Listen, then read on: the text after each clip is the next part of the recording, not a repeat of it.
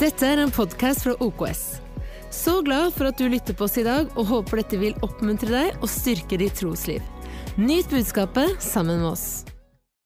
Jeg har hørt nå i denne koronasesongen som vi har prata om, opp og ned i mente, så har jeg lagt merke til at det er, det er veldig mange kommentatorer, journalister og medier som nå skriver og spør sånne spørsmål. Hvordan har korona forandret oss?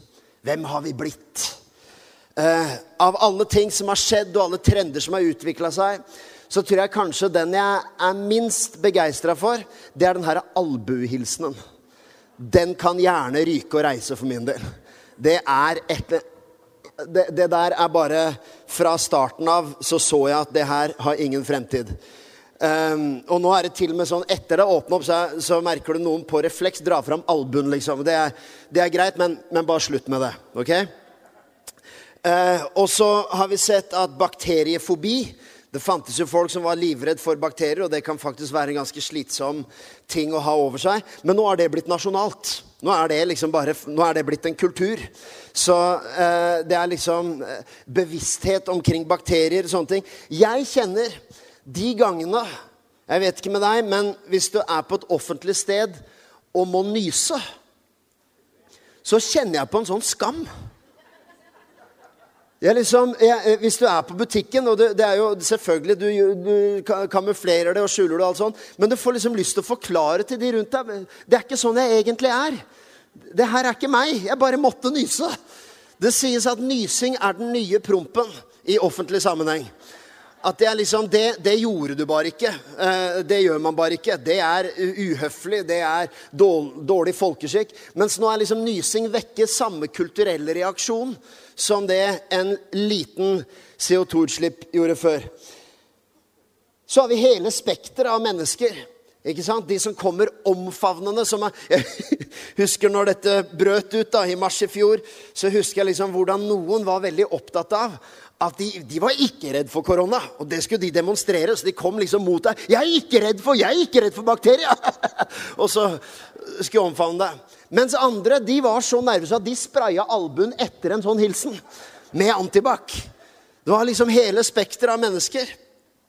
Men det som er poenget, og som er litt morsomt å legge merke til Vi skal snart lese Bibelen, altså ikke vær redd.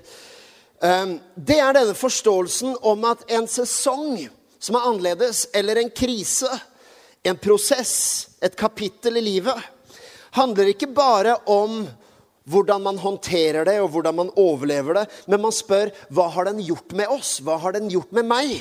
Og det er ikke korona jeg skal snakke om i dag. Faktisk er tittelen min den er litt, litt sånn intens, men, men tittelen er 'Hvem er du i ferd med å bli?' Oh. Du skjønner, Jeg har hørt veldig mange gode prekener om det å komme gjennom stormer.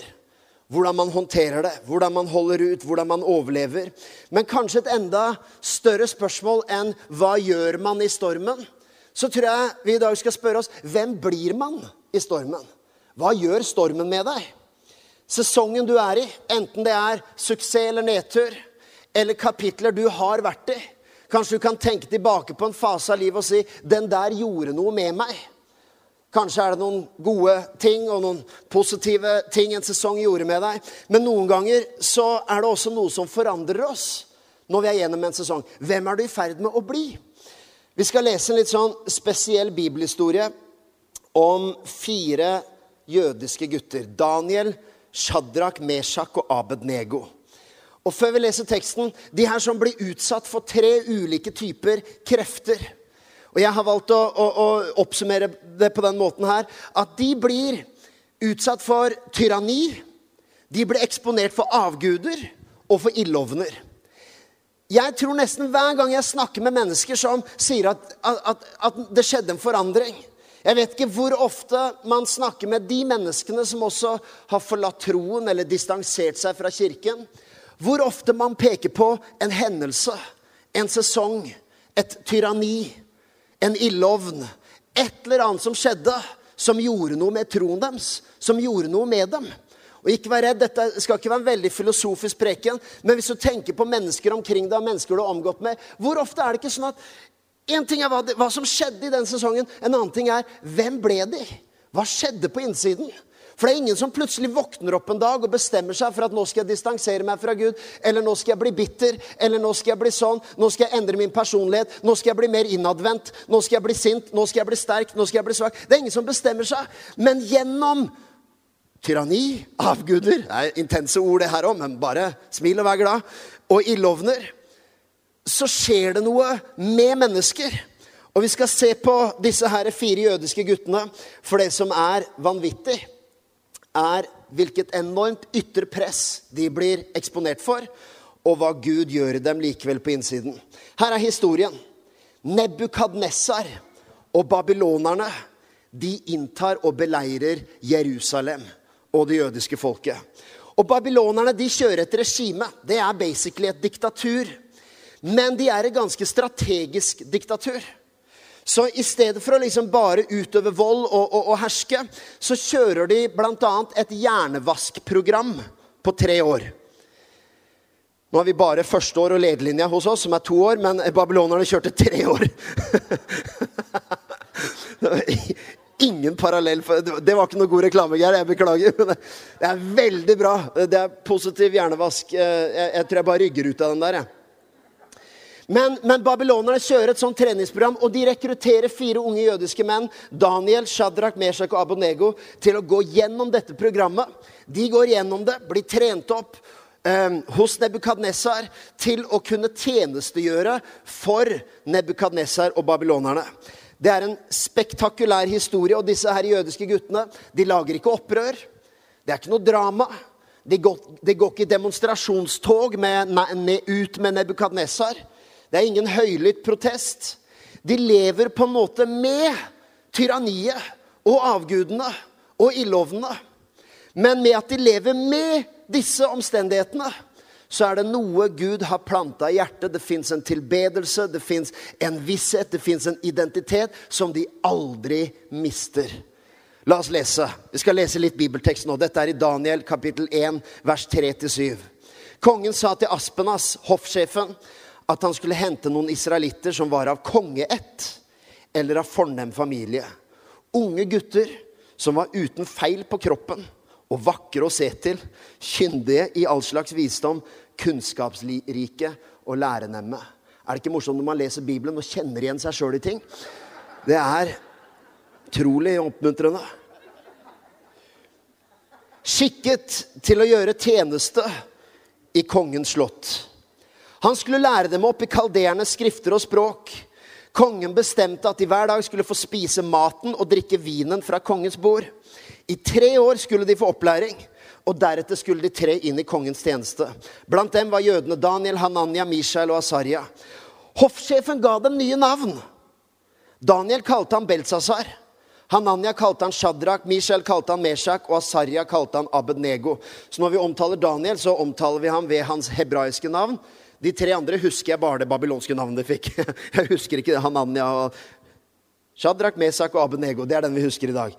Men Daniel, men Daniel bestemte seg for at han ikke ville gjøre seg uren med maten og vin fra kongens bord. Han ba hoffsjefen om å slippe å gjøre seg uren. Så må vi hoppe litt, for det er masse tekst og det er spennende kapitler. Men vi spoler fram til kapittel tre hvor Nebukadnessar setter opp en statue av gull.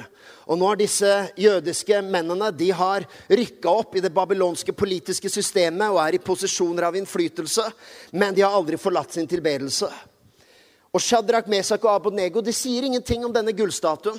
De går ikke i demonstrasjonstog, de begynner ikke å kaste tomater. De noe, det er ikke noe spraying, ikke noe graffiti, det er ikke tagging på statuen.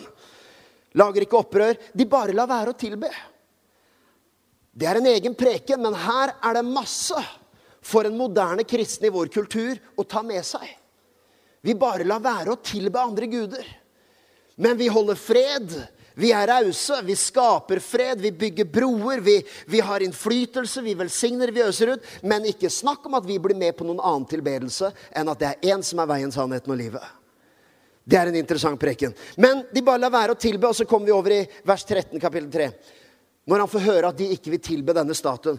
Da ble Nebukadnessar rasende. Han befalte at Shadrach, Meshach og Abenego skulle hentes, og mennene ble ført fram for kongen.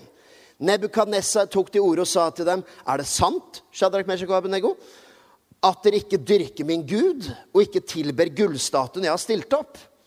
Hoppe litt ned. For vil dere ikke tilbe den, skal dere straks kaste til ovnen med flammende ild. Fins det da noen Gud som kan berge dere fra min hånd?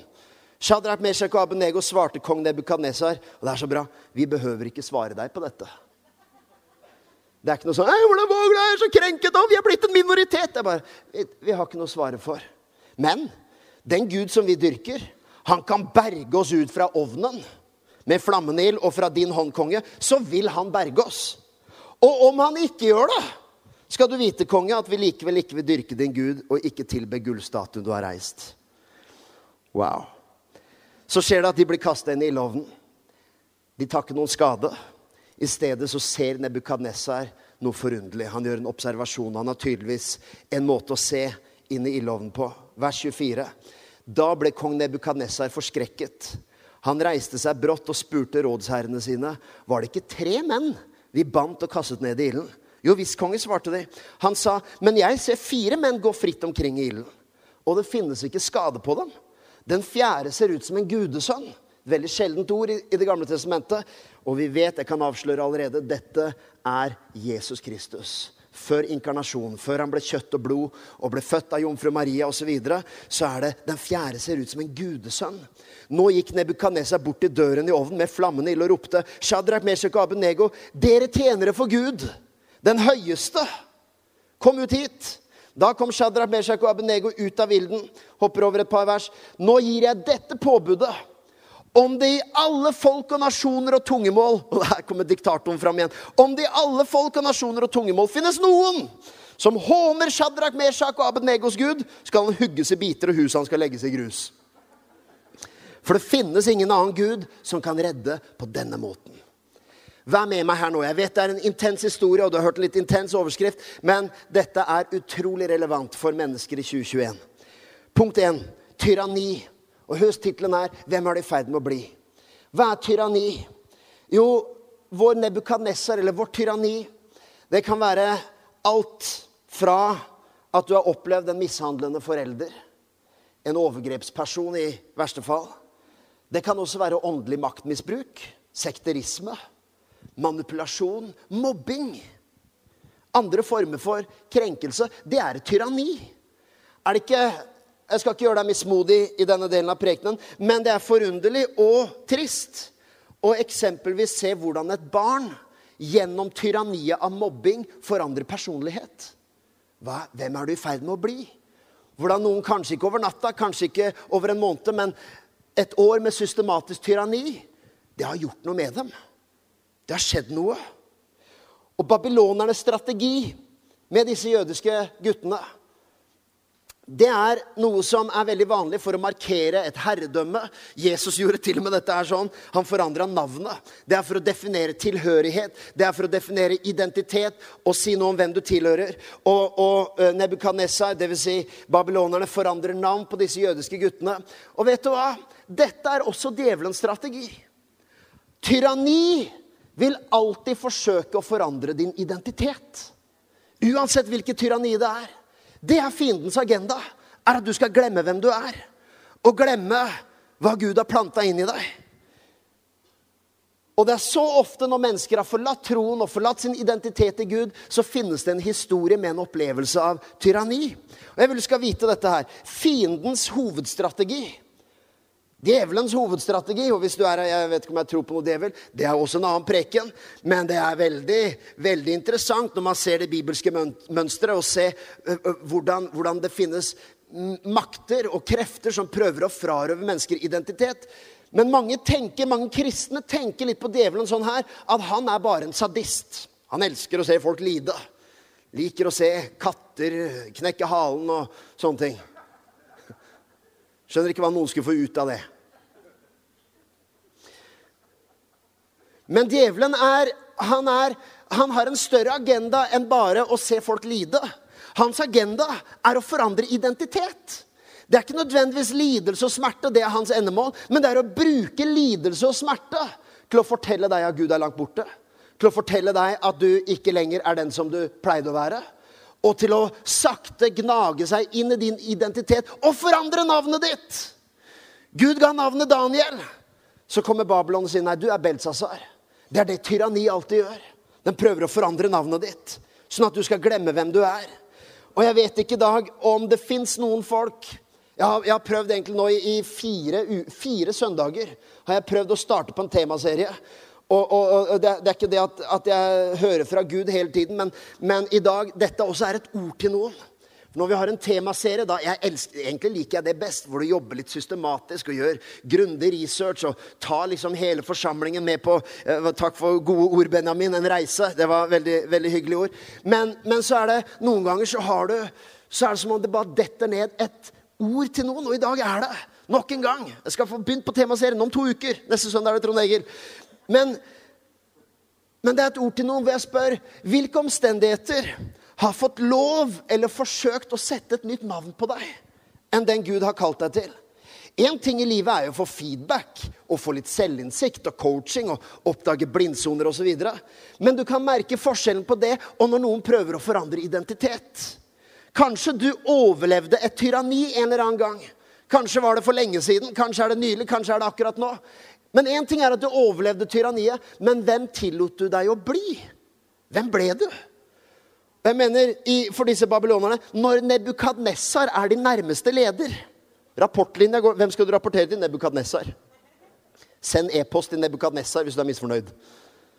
Det gjør noe med deg, skulle man tro, over tid. Og Noen ganger så ser jeg at tyranni kan gjøre mennesker svake, redde, innadvendt. Men tyranni kan også gjøre mennesker veldig sterke og harde. Og egentlig produsere en sterk fasade. Menneskelig sett, spesielt snakker jeg til deg som eventuelt forlot troen eller forlot kirken pga. tyranni. Så vil jeg si at det er ingenting rart med det. Menneskelig forstår jeg det. Psykologisk forstår jeg det. På alle, alle mulige måter. Men jeg er her for å fortelle deg at det fins en identitet som tilhører deg. Det fins et navn Gud har gitt deg. Det finnes et opprinnelig navn. Du skjønner, Jeg liker ordlyden i vers 1-8, for det står egentlig hvordan de levde med dette programmet. De fikk nye navn, det er ingen protest. Og så kommer det en liten overgang i kapittel 1, vers 8. Men Daniel. Hvor han har begynt å sette én grense. Da handla det om, uten å gå i detaljer på hvorfor han gjorde det, men han ville ikke gjøre seg uren ved å spise den maten kongen serverte. Men jeg liker bare liksom atmosfæren. Det er liksom de, de er der. De skjønner at vi er en del av dette tyranniet. Men Daniel det fantes en identitet som var, som var plantet i han. På utsiden av han var det forandringer. Men på innsiden så husket han både sin jødiske identitet, men han husket hvem han var i Gud. Og hva var det? Jo, det kommer i vers. Et par detaljer. Vers 3 og 4. Så står det at de som skulle velges ut, var av kongeett. Og så er det denne spesielle ordlyden her. De skulle være uten feil på kroppen. Tenk å ha det som kriterium på lederlinja, Geir. Hæ? Fyll ut søknadsskjemaet hvis du er av kongeett og er uten feil på kroppen. Hæ? Hvem hadde søkt? Men det er en veldig spesiell ordlyd, og det er, det er mye å si om akkurat det. Men hvor, hvor, hvor, er det vi kan kjenne igjen akkurat denne ordlyden? Jo, vi kan kjenne det blant annet når det kom til ofringer i Det gamle testamentet, som skulle sone for folkets synder. Så skulle bringe et lam som var uten feil, uten lyte og uten flekk. Det skulle være fullkomment.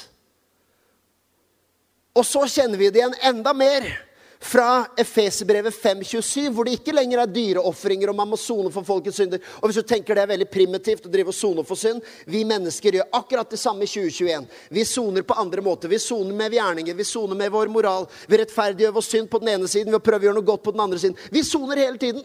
Men Jesus kommer egentlig for å gjøre ende på hele sonesystemet å være en soning for alle mennesker. Og ta på seg verdens synd. Og hør på ordlyden i Efeserbrevet 5,27, hvor det beskriver hvordan Jesus betrakter kirken. Hvordan han betrakter de troende som har blitt renset og badet av hans rettferdiggjørelse. Det står de har ikke flekk eller rynke eller noe slikt. Det er en bra makeup. Ikke flekk, rynke eller noe slikt. Men at den skulle være hellig og uten feil. Hvis du, hvis du, tenker at jeg overtolker det som står i Daniel 1 og vers 3 og 4, så kan du uansett være med meg på tankerekken. At jeg tror dette her er min overbevisning. Forrige søndag hørte vi Kåpe preke om rettferdiggjørelsen i Gud. Og jeg vil du skal vite det, uansett hva du har vært gjennom, uansett hvilket tyranni, uansett hva som har prøvd å forandre din identitet. Jeg tror medisinen, svaret, ligger i rettferdiggjørelsen.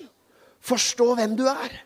Og forstå at det, tyrann, det navnet tyranni har satt på deg, er ikke den du er. Men Guds ord er full, og rettferdiggjørelsen er ikke bare liksom en setning. Rettferdiggjørelsen er full av beskrivelse. Den legger ut, den utdyper, den bretter ut skjønnheten, lengden, bredden, døy, høyden og dybden. Både av hvem han er, men også av hva rettferdiggjørelsen har gjort med deg. Og du må bade i den vissheten og bade i den identiteten, selv når du må leve med tyranni. Jeg vet at psykologer og terapeuter de kan kanskje si at Thomas må være Ingrid, da. Hun er hjemme, så hun er, pleier ikke å være så kranglete på akkurat dette her. På mye annet, men ikke på det her. det går bra, Ingrid. Kanskje man sier Thomas, du kan ikke si til folk som har litt så mye, til og med når du snakker om tyranni i hjemmet osv.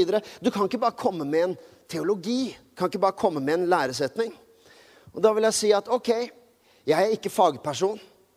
Men opp gjennom årene, sammen med de som jeg har jobbet med, og Katrin og mange andre, så har man etter hvert ganske mye erfaring også med å se mennesker i lidelse. Se mennesker, eh, følge mennesker også gjennom kriser, utøve sjelesorg.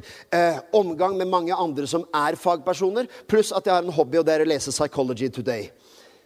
Det er helt sant. Her er min observasjon. Felles for all behandling, alt det jeg har snappa opp og prøvd å lese også fagmessig av alt som har med, med terapeutisk behandling osv. Så sånn jeg tolker det, så berører det alltid sentrum av det Bibelen kaller rettferdiggjørelse.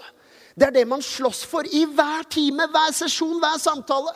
Hva er det man slåss med? Jo, å lede mennesket fram til aksept, verdi, betydning. Er jeg viktig? Er jeg verdt noe? Er jeg elska? Er jeg verdsatt? Er jeg omfavna? Og det er ikke bare den svake og sårbare. Det gjelder den suksessrike forretningsmannen også.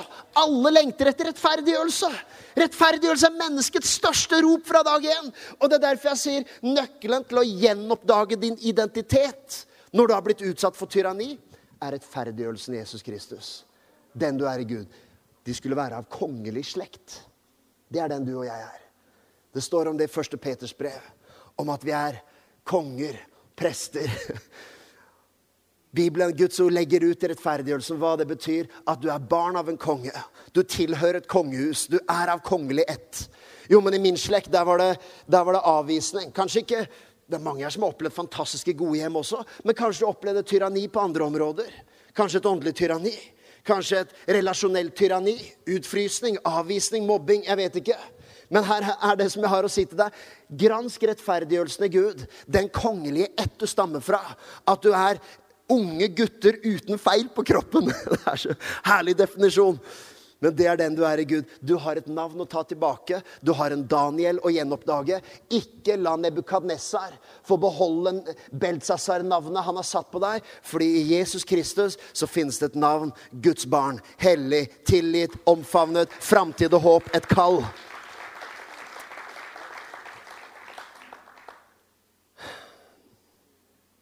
Hva når tyranniet kommer innenfra? La meg bruke bare ett minutt på det her. Man kan si at jo, én ting, ting, er liksom når noen der ute Jeg ble eksponert for tyranni. Men hva, hva når det kommer innenfra? Hva når, hva når man opp, opplevde at det var presten som begikk sånn og sånn? Når man, når man, opplever at det var min troende mor som gjorde at jeg fikk troen opp i halsen, f.eks. Hva når tyranniet kommer innenfra? Eller til og med forkynnere og pastorer? Jeg skal bare lese ett vers, for dette er et stort tema. Jeg ser noen er litt nervøse, Katrin er litt nervøs for hva jeg skal si nå. Men, men jeg, jeg, skal bare si det her, at Bibelen, Bibelen, snakker om dette ganske mye. Mer enn du er klar over. Hør hva, hva, Paulus snakker om. Han kaller de falske apostler. Og fordi verset er så dramatisk, så, avvis, så, så er det ikke så veldig typisk å lese det. Men jeg skal legge merke til en ting. Det står nemlig disse i 2. Korinterbrev 11,13, disse er falske apostler, troløse arbeidere som opptrer som om de var Kristi apostler. Det er ikke noe å undres over. For Satan selv skaper seg om til en lysets engel. Skjønner, Det står ikke nødvendigvis her at, at, apostler eller kristne hva skal jeg si, også forbilder som man har blitt skuffa på, Kanskje man har sett eh, i de par siste årene moralske feil og moralske fall hos veldig kjente, eksponerte ledere. Og det er liksom hele kirken globalt, til og med sekulær media, er veldig fascinert av det og interessert i det. Og så står vi igjen i sjokk og vantro og lurer på hvordan er det mulig. Du skjønner, Det står ikke her sånn at de, de, de, apostlene Paulus omtaler Han sier ikke at disse er Satan. De har liksom bare tatt lysets form, og egentlig er de demoner. Han bare sier det er ikke noe å undres over, sier han. At når til og med Satan han kan Legg merke til hva det står. Til og med han kan late som han er en annen. Alt han sier. Så han sier det er ikke noe å undres over at en apostel kan også late som om han er en annen. Når selv Satan kan kamuflere, late som han er en engel, så kan mennesker også være en annen person enn den de utgir seg for å være. Bare hør på Nebukadnesar, da! Han begynner jo å evangelisere. På slutten av kapittel 3. Om noen håner Shadrach, Meshach og Abednegos Gud, skal han hugges i biter, og huset han skal legges i grus. Han har begynt å evangelisere. Dele ut traktater i Babylon. Følg, følg Jehova, følg Daniels Gud, og hvis ikke du gjør det, så skal det legges i grus. Han har jo blitt fascinert av denne guden. Han har blitt begeistra. Han liksom sier det fins ingen som kan redde på denne måten. Dette her er guden å satse på. Og, og, hvis du ikke tror på han, så er du så dum at du skal drepes. Hva er saken? Jo, Gud er den samme. Men det er Nebukadnesar òg. Han er fortsatt en tyrann.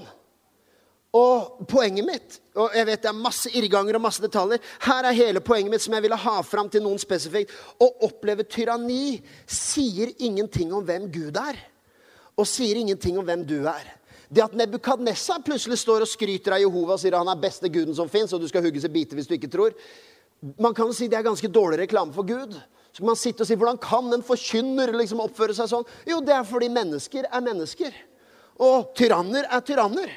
Og Paulus sier det egentlig, det er nesten litt provoserende for noen å høre, men det er ikke noe å bli så sjokkert over. Så lenge det er folk i kirken, så må det også være tyranner i kirken. Og så må vi være kloke og visdomsfulle. Hele mitt poeng her i dag er å trøste deg og si det fins en identitet å gjenoppdage. Og ikke tillat fienden å la en tyrann få definere hvem du er i Gud, eller hvem Gud er.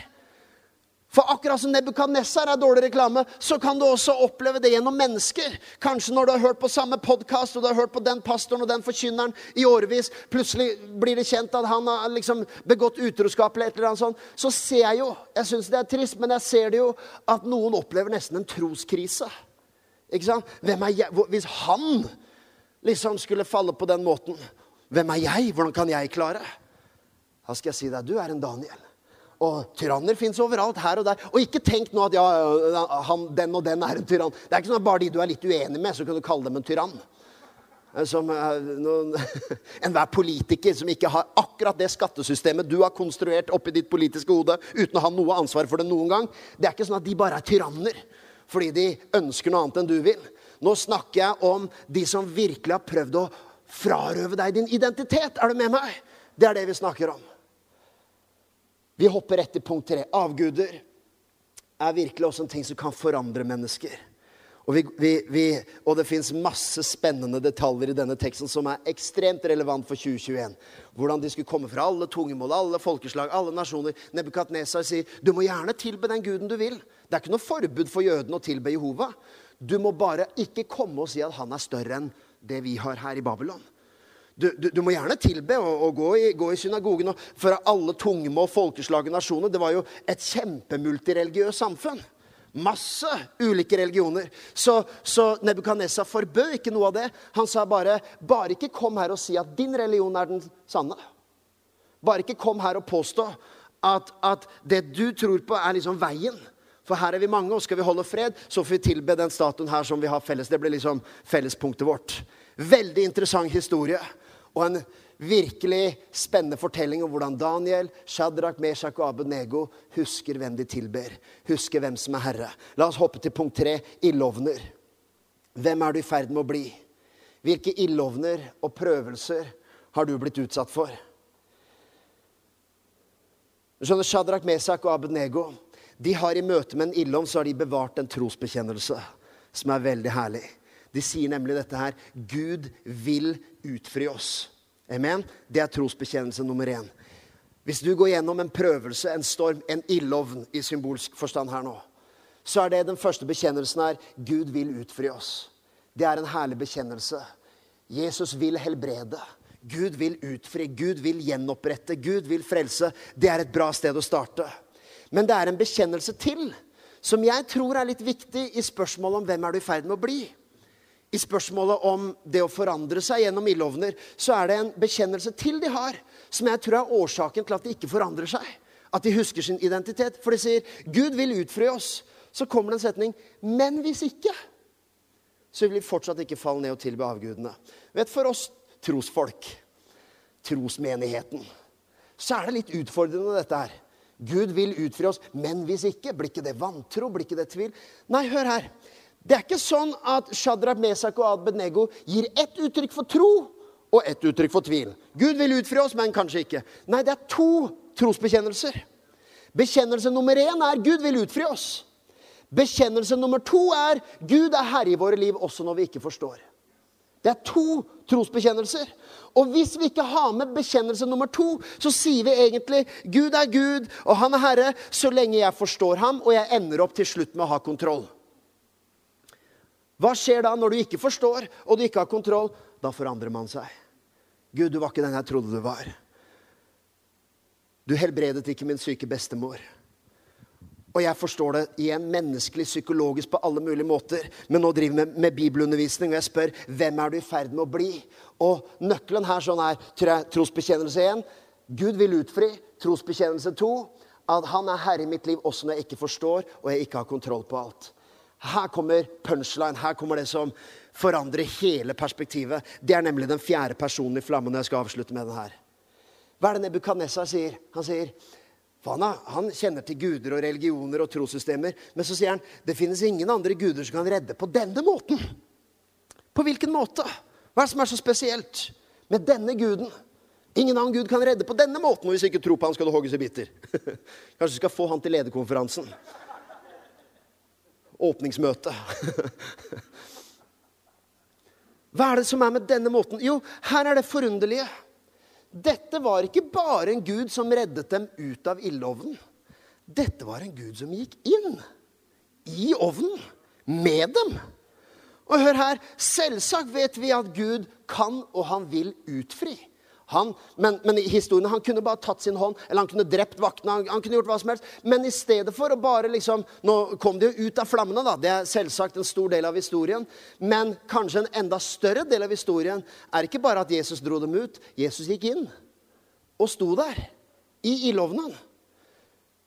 Nå, er jeg, nå er jeg fullstendig ærlig med deg. Jeg tror på en Gud som kan utfri, frelse, helbrede, gjenopprette alt sånt. Men trosmessig, helt sant det er et dypere innhogg i min tro.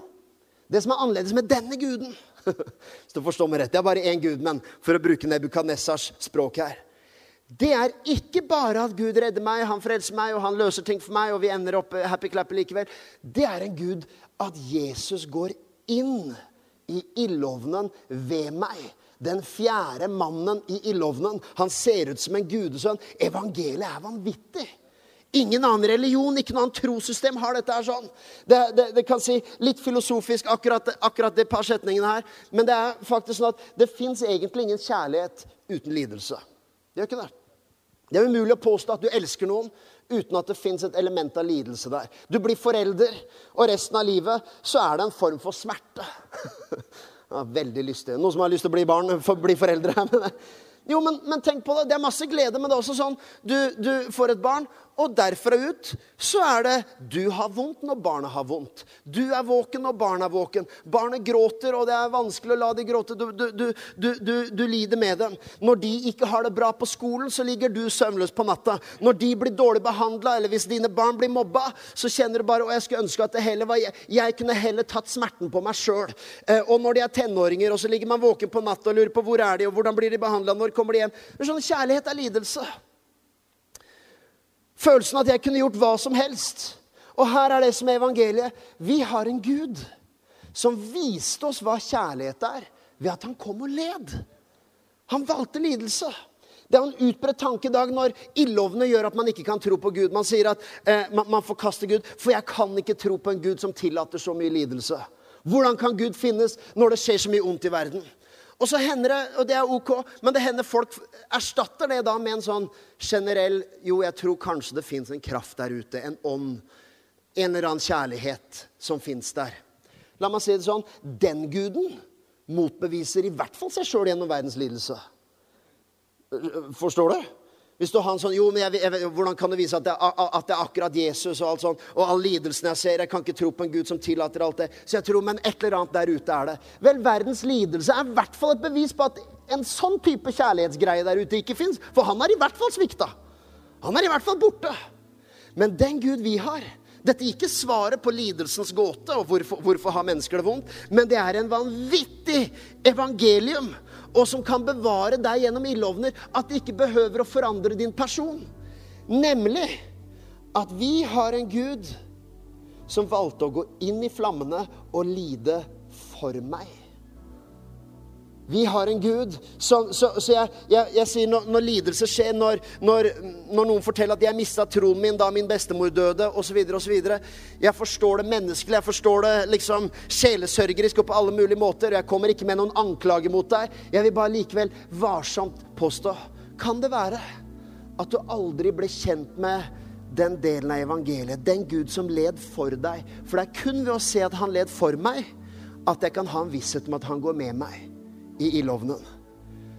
Jeg kan se lidelse. Når man ser korset, man ser smerten, man ser adskillelsen som Jesus opplevde med Gud, man ser forkastelsen han fikk. Og så opplever vi lidelse, og vi ser smerte i verden. Og jeg sier ikke at Jeg mener, vi er jo her for å virkelig bringe liv og overflod og legedom til en såret verden. Så det er ikke noe sånn herre Ja, lidelsen har sin mening. Det er ikke det jeg sier. Men her er det som er vanvittig, som gjør at jeg ikke forandrer min personlighet gjennom ildovner.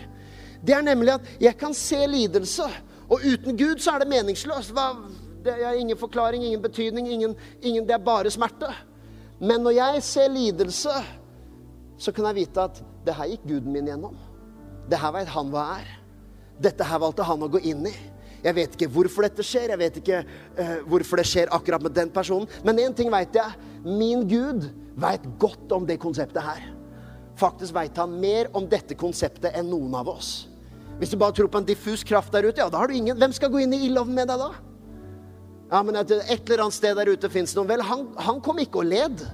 En navnløs, ansiktsløs, identitetsløs Gud og en kraft som kanskje fins. Nei, jeg skal si deg, det fantes et navn og et ansikt og en person, og han sier, 'Dette er Gud'. Gud ble menneske, tok bolig blant oss, og han gikk rett inn i ildovnen og sa, 'Jeg gjør dette for mennesket, for at du skal vite resten av livet at jeg kommer til å gå med mennesket'. Du vet at han er i ildovnen med deg. Hør her, helt til slutt. Det her er bra. For fienden han vil bruke smerte og lidelse, han vil bruke tyranner, han vil bruke avguder, han vil bruke ildovner for at du skal glemme hvem du er. For å forandre din identitet, for å gi deg et nytt navn. For at du skal gå gjennom smerte og virkelig si ja, hvem er du i ferd med å bli? Ja, her er det i ferd med å liksom skje noe. Her er måten. Vi knuser fiendens agenda fullstendig. I stedet for at smerte blir et middel for fienden til å knekke min tro. I stedet når jeg går gjennom smerte Jeg sier ikke at smerte har en mening, og at ja, vi, vi, må gå gjennom lidelse for å bli kjent med Jesus. Det er ikke det jeg sier. Men når det likevel skjer, så knuser jeg djevelens agenda ved å identifisere meg og si Vet du hva? Dette her gikk min Jesus gjennom. Han som bor i meg. Han tok på seg dette og uendelig mye mer enn akkurat dette. Og så kan jeg se i ansiktet på makter og myndigheter så kan jeg si Adda badda, bunka rakka, etla metla, chong dong, filifong, isabisa, toppstopp. Dere lyktes ikke med å bruke smerte og lidelse til å frarøve meg mitt navn. Faktisk. Tvert imot så ser jeg min lidende tjener. Jeg ser min lidende Gud. Jeg får en bitte liten smakebit av hva min Herre gikk gjennom for meg. Jeg vet at For deg som er en trosperson, så er det litt sånn, ja, sier du at lidelse kan gjøre at jeg ser mer. Jeg vil aldri ha en teologi som sier at Gud sender deg lidelse for å lære deg ting. Gud er Han er eh, Det er tyven som kommer for å stjele, myrde og ødelegge. Men du kan seire over smerten. Du kan seire over lidelsen. Du kan seire over fiendens agenda til å bruke smerten til å frarøve din identitet, og i stedet si OK, en liten smakebit av Jesus. Dette led han, dette gikk han gjennom. Jeg kan være absolutt sikker på at han som gjorde dette for meg, han kommer også til å være der med meg. Den Gud jeg tjener, Han ga meg et navn. Han ga meg en kongeett. Han gjorde meg rettferdig til en ung gutt uten feil på kroppen. Da snakker vi ikke fysisk, men vi snakker om den du er i Jesus Kristus. Det fins en Daniel å gjenoppdage. Det fins en identitet. Jeg aner ikke hva sesongene har gjort med deg. Hva tyranni kan ha gjort med deg. Hva avguder kan ha gjort med deg. Det presset av å ikke gjøre Jesus til herre fra venner og omgivelser. Og til slutt hva ildovnene har gjort med deg. Jeg forstår selvsagt man, man kan gå gjennom ting og lure på hvorfor. Og hvor var Gud i det, og hvorfor skjedde ikke sånn og sånn. Men én ting vet jeg. Gud er den samme i går, i dag, til evig tid. Jeg sier som Shadrach Mesek og Abenego, ja visst vil han utfri. Og han utfridde dem. Han vil helbrede. Han vil løfte opp. Han vil reise. Han vil transformere. Men jeg vet også at min tjeneste av ham er ikke avhengig av at jeg forstår ham, og at jeg har kontroll på situasjonen. Så hvis ikke, vil jeg fortsatt ikke falle ned for avgudene. Og gjennom ildovnene, også de jeg ikke forstår, så vet jeg i hvert fall én ting. Det er en fjerde mann i flammene. Det er en fjerde mann med deg. Om du går gjennom flammer, eller du kan se på historikk i ditt liv og si at der sånn var det noen flammer som var med og formet deg. Var det ikke interessant å høre Thomas Lindstad? Som forteller da om at han så liksom hele livet sitt i revy, og så viser Gud fra barn uh, hvordan han var der. Og du fortalte først, Thomas, at det var, noen, det var også noen krevende ting, og ting som, ting som hadde bagasje du hadde fått med deg langs reisen. Så kommer Gud og viser at ok, han tok likevel ikke bort alle de flammene fra ditt liv. Men han viste for deg jeg var der. Den fjerde personen i flammene. Jeg var der. Uansett hvilken flamme du har gått gjennom eller går gjennom, det er en fjerde mann. There's another in the fire. Han er der. Far i himmelen, takk for din godhet denne søndagen. Takk for din trofasthet. Takk for den identiteten du har gitt oss, som verken tyranner, avguder eller ildovner skal få ta ifra oss, Herre. Gud, jeg ber for de menneskene som gjennom sånne sesonger, gjennom sesonger av tyranni, av avguder eller ildovner, mistet hvem de var, mistet sin identitet, tillot omgivelsene å sette nye navn på dem. Noen som visste at de hadde et kall, de hadde grunn til å være frimodige. Så kom tyranner og stjal all frimodighet fra dem. Så har de slått seg til ro med at ja, ja, sånn ble det. I dag tar vi tilbake ditt navn. Ta tilbake det navnet Gud ga deg.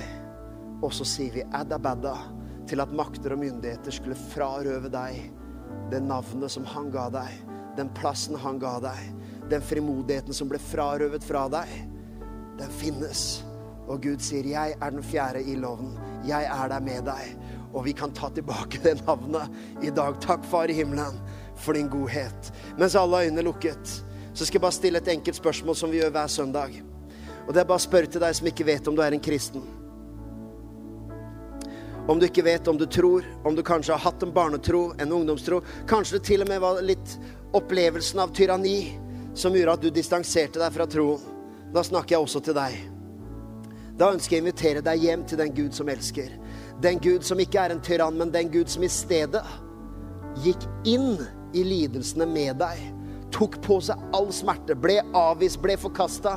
Han gjorde det for å demonstrere, for å vise at hver gang du går gjennom smerte, så har du en fjerde person i flammene som vet alt om hvordan det føles. Han er der. Hvis du ønsker å si ja til Jesus i dag, mens alle øyne lukka, du kan gjøre det hvis du ser på skjermen også så ønsker jeg straks å stille et spørsmål om at du kan rekke opp hånda hvis du vil bli inkludert i min bønn. Det som skjer der, er at jeg ber en enkel bønn her oppe fra. Jeg skal ikke eksponere det eller ta det fram. Men hvis du sier jeg ønsker å ta imot Jesus, ønsker å ta imot nåden, jeg ønsker å ta imot den rettferdigheten som bare Gud kan gi, som ikke er ved mine gjerninger og prestasjoner, men som er på grunn av Hans nåde. Ingen synd du har gjort, kan skremme Gud bort, men ingen god gjerning du har gjort, kan imponere Gud ned. Du kan komme som du er og ta imot ham. Mens alle øynene lukka, så spør jeg hvis det er noen her som sier 'Thomas, be for meg', jeg er i den kategorien. Jeg ønsker å tro, selv med spørsmål og undringer og ting jeg ikke har på plass, så jeg ønsker å ta imot Jesus, jeg ønsker å ta imot nåden, eller komme tilbake igjen til Gud. Kan ikke du løfte armen akkurat nå, så skal jeg ta deg med min bønn. Tusen takk. Gud velsigne deg så masse. Er det flere som bare løfter armen? I Jesu navn. Så var det en til også. Gud velsigne deg masse. Er det flere, bare løft armen der hvor du er. Og hvis du sitter hjemme og ser på skjermen, kan du jo legge hånda på brystet eller et eller annet sånt som en Eller løfte den, for den saks skyld, som en praktisk handling. Var det noen flere Så skal jeg speide fra høyre mot venstre i mørket her. Bare løft armen hvis du sier 'ta meg også med', Thomas, i den bønnen. I Jesu navn. I Jesu navn. I Jesu navn. Takk, Far i himmelen, for de menneskene som har ønska å komme hjem og tilbake igjen til deg, Gud. Takk, Far i himmelen, for at du står med åpne armer.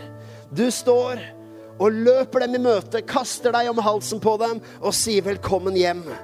Takk, Far i himmelen, for din nåde, for din frelse og din gjenopprettelse. Jeg ber Hellige Ånd om at du gir dem full visshet om at de er Guds barn, de er på vei til himmelen, de har framtid og håp, og de kan stole på at du er med dem i ildovnen herfra og resten av livet, Herre, i Jesu Kristi navn. Skal vi reise oss opp på beina, og så sier vi følgende bekjennelse sammen. Spesielt hvis du løfter hånda, eller hvis du sitter der hjemme og la hånda på brystet, og så kan du være med i denne bekjennelsen sammen med meg. La oss si Jesus. Jeg tror på deg. Tar imot deg. Tar imot din nåde. Tar imot din frelse. Takk at du tilgir meg. Du elsker meg. Jeg er Guds barn. Jeg har framtid. Jeg er gjort rettferdig. Du ga meg et navn. Jeg vet hvem jeg er. I Jesu navn. Amen. Amen. La oss gi en skikkelig hedersapplaus til de menneskene. Takk for at du tok deg tid til å lytte på en av våre podcaster fra OKS. Vår visjon er å bringe Jesus til mennesker i vår verden, og mennesker i vår verden til Jesus. Følg oss ellers på vår YouTube-kanal og sosiale medier. Du er velkommen til å besøke en av våre kirker. For mer informasjon, sjekk ut oks.no.